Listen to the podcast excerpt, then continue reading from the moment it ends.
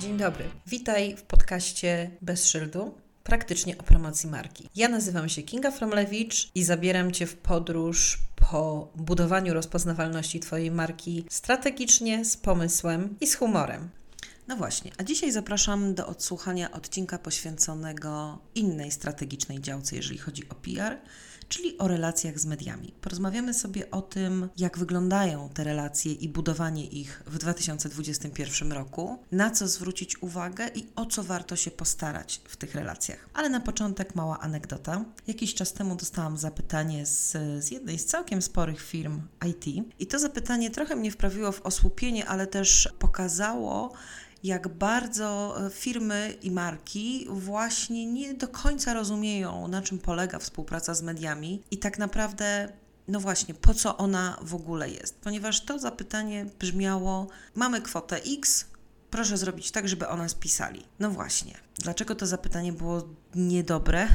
Ano dlatego, że przede wszystkim, e, żeby w ogóle cokolwiek robić, to tak naprawdę nieważne są budżety. To jest kwestia drugorzędna. W takim pytaniu powinno się znaleźć stwierdzenie, stwierdzenie o tym, po co my to w ogóle chcemy robić. Bo bardzo często jest też tak, że przychodzą, zwłaszcza marki osobiste, przychodzą do mnie i mówią: Słuchaj, moim marzeniem od zawsze było pokazanie się w zwierciadle marzę o tym, żeby napisał o mnie Forbes, bo to będzie po prostu w ogóle jak wstęp do biznesowego nieba. No tylko jak zadaję właśnie pytanie, ok, ale co to ma zrobić Twojej marce, co to ma zrobić Twojemu biznesowi, no to tutaj już zaczynają się schody, bo bardzo często tej odpowiedzi po prostu brakuje. Odpowiedzi i świadomości, gdzie w strategii PR-owej, gdzie w strategii promocyjnej czy wizerunkowej umieścić właśnie sobie takie relacje z mediami tradycyjnymi, bo jeszcze tutaj oczywiście musimy sobie rozdzielić media społecznościowe i media tradycyjne, które, czy to się komuś podoba, czy nie, czasem bywa dla niektórych przykra taka świadomość,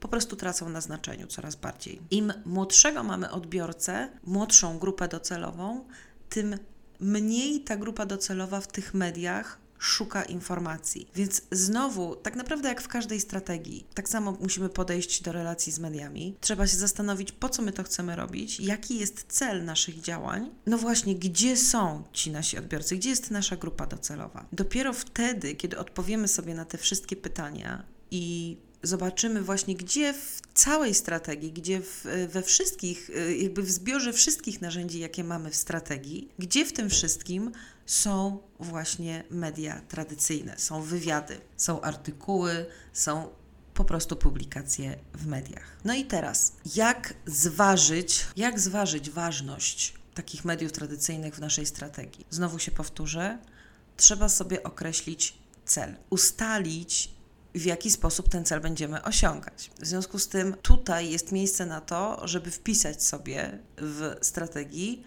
jak bardzo będziemy stawiać na media. I teraz, e, jakie mogą być te cele, jeżeli chodzi o działania z mediami? Muszę powiedzieć, że w ostatnim czasie główne cele, jakie realizuję dla swoich klientów, czy jakich rozmawiam podczas szkoleń, to cele związane z budowaniem wizerunku eksperckiego. I tutaj też małe zastrzeżenie, bo bardzo często osoby czy firmy pytają: No dobrze, no to jeżeli e, wizerunek ekspercki, to będziemy po prostu publikować materiały u siebie na stronie to oczywiście jako element content marketingu jest jak najbardziej wskazane, żeby pokazywać swoją e, wiedzę ekspercką również za pośrednictwem swoich mediów i swoich kanałów, jednak można to oczywiście jak najbardziej wzmacniać poprzez działania medialne. I tutaj muszę powiedzieć, podzielić się takim praktycznym e, tipem, praktyczną wskazówką, że bardzo sprawdza się niekoniecznie wysyłanie takich tradycyjnych informacji prasowych do wszystkich mediów świata, jakie mamy u siebie w bazie.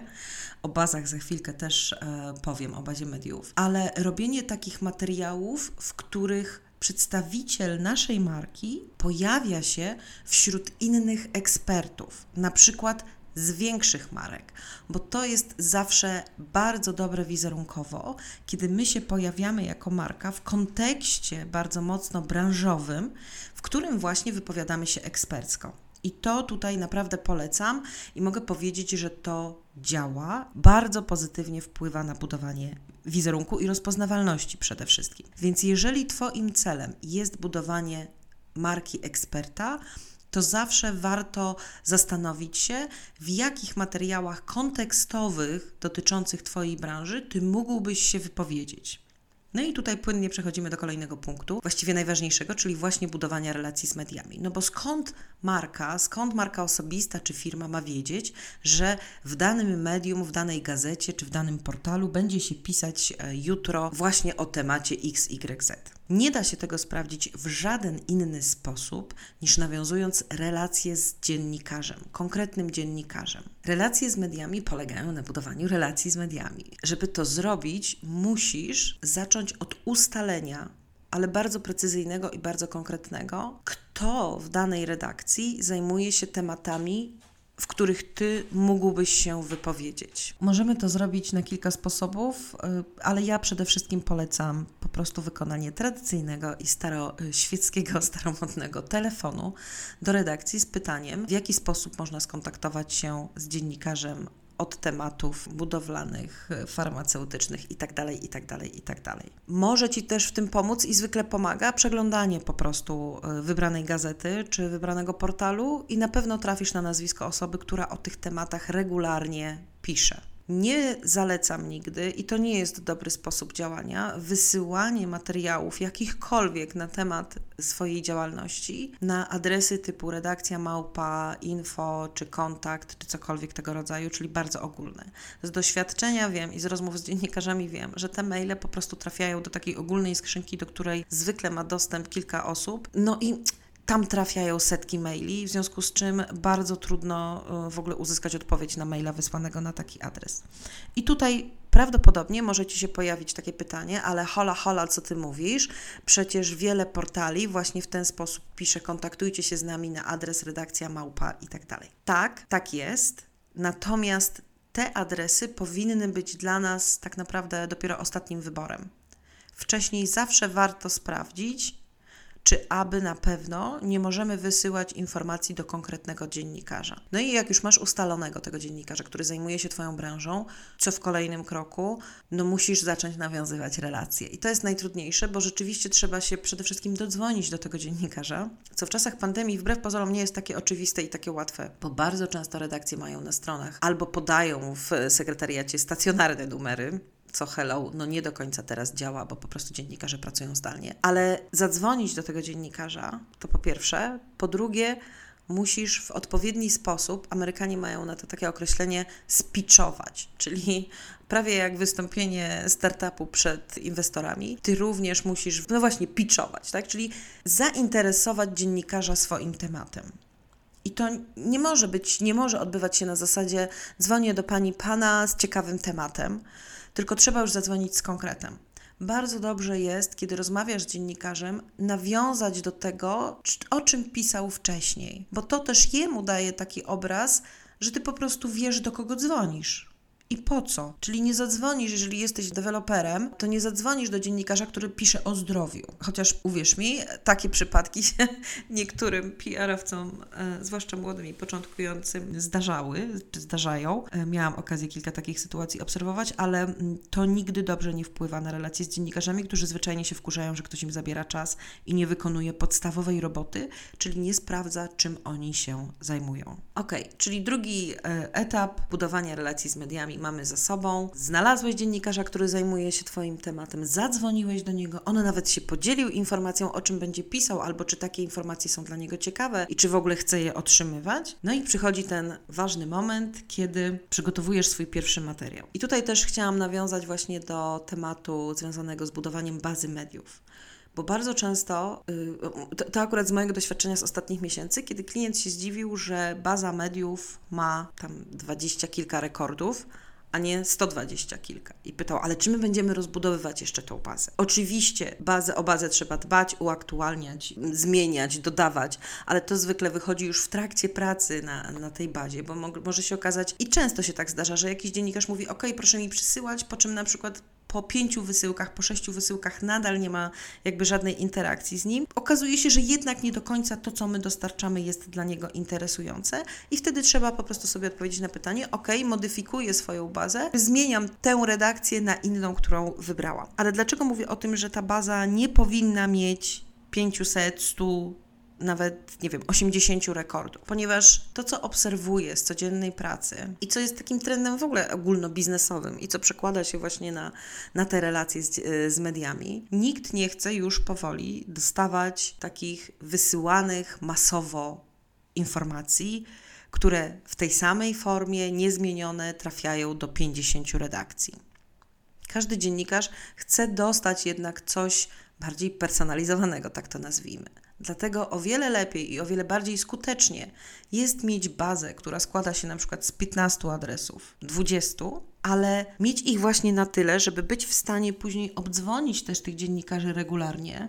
No bo nie wyobrażam sobie, że ktoś w firmie, która na przykład nie ma działu PR-u, dostaje zadanie obdzwonki co dwa tygodnie 100 e, rekordów, 100 nazwisk. No jest to nierealne, bo nic innego ta osoba po prostu nie robiłaby, tylko przez 8 godzin siedziałaby codziennie przy telefonie. A też nie o to oczywiście chodzi bardzo często. W związku z tym warto zadbać o to, żeby ta nasza baza mediów była jak najbardziej precyzyjna i znowu słowo klucz dopasowana do naszych celów, celów komunikacyjnych i biznesowych na dany na przykład kwartał. Dlatego ja zawsze też przy okazji strategii mówię o tym, że warto plany do strategii, harmonogramy pisać na maksymalnie 3 miesiące, właśnie po to, żeby bardzo dynamicznie dopasowywać je i zmieniać do przecież zmieniających się też warunków, w jakich działa firma. No i okej, okay, mamy bazę, nawiązaliśmy pierwszy kontakt z dziennikarzem, siadamy do przygotowania pierwszej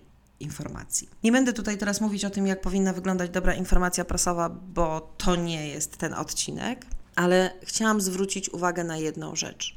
Informacja prasowa, i to naprawdę to jest chyba najważniejsza rzecz, którą trzeba sobie wziąć e, z dzisiejszego odcinka. Informacja prasowa to nie ulotka reklamowa, to nie materiał reklamowy, marketingowy i to nie jest materiał sprzedażowy. Czyli jeżeli kusicie, żeby napisać informację pod tytułem Jesteśmy najlepsi na świecie, a nasze rozwiązania dadzą Ci szczęście do końca życia, to, to nie jest właściwy format i mogę Cię zapewnić, że poważna redakcja, poważni dziennikarze po prostu czegoś takiego nie opublikują i nie będą zainteresowani takim materiałem. Co więc jest dobrym materiałem, który powinien zainteresować dziennikarza, z którym rozmawiałeś. Oczywiście, jeżeli on ci nie powie wprost, tak, że chce od ciebie materiał, który podsumowuje, powiedzmy, pierwszy miesiąc 2021 roku w Twojej branży. Jak to wyglądało z Twojej perspektywy? To to jest bardzo konkretne zapytanie już wtedy od strony dziennikarza. Ale jeżeli nie masz takiego zapytania, no to musisz te tematy sam wymyśleć. I tutaj z pomocą przychodzi coś, co ja lubię nazywać królem PR-u, czyli kontekst. To wymaga oczywiście od Ciebie, żebyś był na bieżąco z tym, co się dzieje w Twojej branży, co się dzieje wokół Twojej branży. Czyli trzeba wiedzieć, co w trawie piszczy, tak to nazwijmy, ale to oczywiście nie wystarczy, no bo co się dzieje w branży, to zwykle dziennikarze też wiedzą, tak sami takie newsy produkują przecież. Trzeba do tego dołożyć, tutaj trochę się zawahałam, bo, bo to jest jedno z takich słów, których ja bardzo, stwierdzeń, których ja bardzo nie lubię używać, ale niektórzy tak mówią, tak, że trzeba dołożyć tak zwaną wartość dodaną, czyli ni mniej, ni więcej, tylko Twoje spojrzenie, Twoje refleksje na temat tego, o czym piszesz. Świeży przykład. Przeczytałam wczoraj artykuł o tym, że załamuje się rynek najmu w Polsce, że ceny najmu mieszkań spadają, ponieważ ludzie nie chcą wynajmować, tylko inwestują w tych niepewnych czasach w kupowanie mieszkań. Co mógłby zrobić z taką informacją przedstawiciel marki, która na przykład powiedzmy ma w Warszawie 600 mieszkań na wynajem długoterminowy. Mógłby w odpowiedzi na to, nawiązując do tej informacji, przygotować materiał dla dziennikarza z takim podsumowaniem, powiedzmy, tego, jak na przestrzeni powiedzmy ostatnich trzech miesięcy kształtowało się zainteresowanie najmem, na co zwracali uwagę wynajmujący na przykład wyciągnąć z tego oczywiście jakieś wnioski typu: OK, może popyt spada, ale spada zainteresowanie mieszkaniami w słabszych lokalizacjach, e, albo spada zainteresowanie dużymi mieszkaniami, natomiast ludzie nadal chętnie wynajmują jedno i dwupokojowe w dobrej lokalizacji w centrum miasta i raczej są to młode osoby niż rodziny z dziećmi. Czyli zobacz, już konkretne informacje na podstawie swoich danych można niejako podpiąć pod ten główny temat i pokazać siebie jako eksperta w tym temacie. czyli dwie pieczenie przy jednym ogniu, bo z jednej strony budujemy rozpoznawalność firmy, że hello, jesteśmy firmą ABC, która zajmuje się wynajmem długoterminowym. Mamy świetne dane, takie analityczne, które możemy Ci dostarczać, drogi dziennikarzu, w miarę, w miarę regularnie, a z trzeciej strony, no właśnie my się na tym znamy i jesteśmy w stanie skomentować te dane, bo same dane no one oczywiście nic nam nie robią, tak? Są po prostu cyferkami. Ale jeżeli my je zinterpretujemy i pokażemy w szerszym ujęciu, to to już jest ta wartość dodana dla dziennikarza, Dlaczego? No dlatego, że on już nie musi się przekopywać na przykład przez 50 raportów różnych firm zajmujących się najmem. To oczywiście przesadzam, bo nikt nie, nie przekopuje się przez taką ilość e, materiału, ale powiedzmy, nie wiem, nie, nie sprawdza 5 czy 6 czy 10 raportów, tylko dostaje te dane od razu zinterpretowane, wyjaśnione i wytłumaczone. On oczywiście, to znowu przypomnienie, informacja prasowa nie jest materiałem reklamowym. W związku z czym decyzja o tym, czy ona zostanie wykorzystana, w jaki sposób, czy zostanie opublikowana w całości, wycięty jeden akapit, czy tylko jeden cytat przedstawiciela firmy, zależy od dziennikarza. Ja bardzo to, na to zawsze uczulam, ponieważ zdarzyło mi się w mojej karierze zawodowej, zdarzyła mi się współpraca z klientem, który miał pretensje do mnie i do dziennikarza, jak się później okazało, za to, że został zmieniony tytuł informacji, którą przesłaliśmy, a którą przecież on zaakceptował w procesie jej tworzenia ze mną jako, jako PR-owcem. No tak to nie działa, no bo bardzo często jest też tak, że to nie dziennikarz pisze tytuły swoich artykułów, tylko na przykład redaktor prowadzący danego wydania, bo akurat ma dziurę na stronie, która pasuje na trzy słowa, a nie na dwa. I tak też się zdarza, to jest bardzo częste e, wyjaśnienie po prostu zagadki związanej z e, tytułem artykułu który na przykład nie pokrywa się właśnie z informacją prasową, którą dziennikarz dostał. Czyli podsumowując, co jest mm, jakby w całej tej zupie zwanej relacje z mediami, jakie mamy kluczowe składniki. Po pierwsze, musisz wiedzieć, po co to robisz i co to da Twojej marce. Po drugie, relacje z mediami się buduje i to jest Twoje zadanie.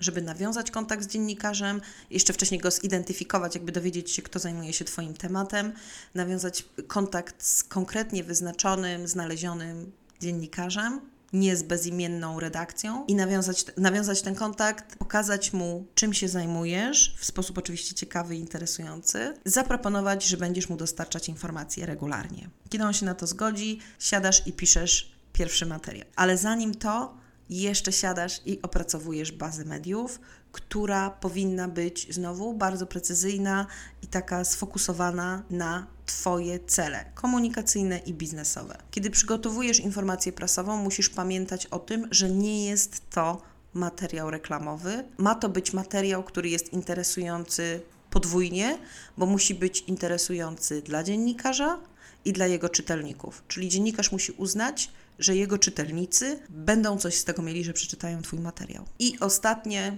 choć nie wcale nie najmniej ważne, pamiętaj o tym, żeby w swoich materiałach ujmować temat w szerszym kontekście i dostarczać do tego kontekstu dodatkowe informacje, które będą po prostu interesujące i będą tłumaczyć też ten kontekst będą pomagać lepiej go zrozumieć. Mam nadzieję, że te informacje, te wskazówki Ci się przydadzą, jeżeli myślisz o tym, żeby zacząć pracować z mediami. Dziękuję za dzisiaj i do usłyszenia w kolejnym odcinku.